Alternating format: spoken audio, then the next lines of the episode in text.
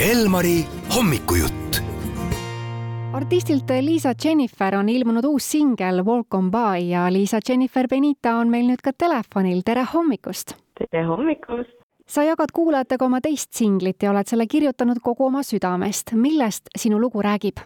see lugu räägibki meile kõigile hästi tuttavast tundest ja olukorrast ja see tabab meid siis, kui on teed läinud lahku mingisuguse inimesega, kellega sa oledki jaganud kõige intiimsemaid hetki ja see on hästi aus ja justkui valus ülestunnistus sellest, kui kummaline on siis üksteisest mööduda, kui sa tead üksteise kõige sügavamaid saladusi, unistusi, hirme, aga samas justkui teesklete, et olete võõrad. oled öelnud, et see lugu pakub ka kuulajatele mõistmist ja ühendust sellel hetkel, kui sõnadest ju jääb puudu, et kui keeruline äh, oli siis kirjeldada laulu sõnadega hetke, kui tegelikult äh, sõnadesse seda panna ei saa? see on väga hea küsimus äh, ma arvan, et see võttis, võttis minu jaoks kokku see walk on by nagu see lause, et kui ma jäingi mõtlema sellise olukorra peale, et justkui mulle tundus, et see võiks olla niisugune sõnastus ja justkui olukord, millest kõik saavadki aru.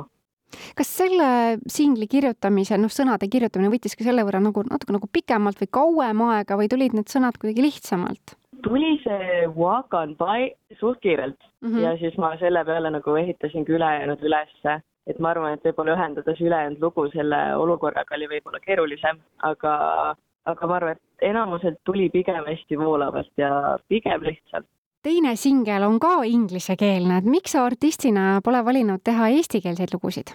ma olen mõelnud tegelikult hästi pikalt juba ka teha eestikeelseid lugusid, aga ma tunnen, et kuna ma olengi just kasvanud kahekeelses perekonnas, ja mul on kuidagi lihtsam väljendada oma tundeid inglise keeles või nagu mu aju leiab rohkem seoseid ja et ma arvan, et kui eestikeelset lugu, et siis see peaks kindlasti olema kellegagi koostöös, sest ma ei tunne ennast üldse nii enesekindlalt, ma arvan, eestikeelseid sõnu kirjutades. kui keeruline võib-olla on äh, käia artistina seda oma rada, kui peres on juba kaks andekat laulukirjutajat ja muusikut ees või on see pigem just julgustav ja õpetlik äh, kasvada artistina kiiremini?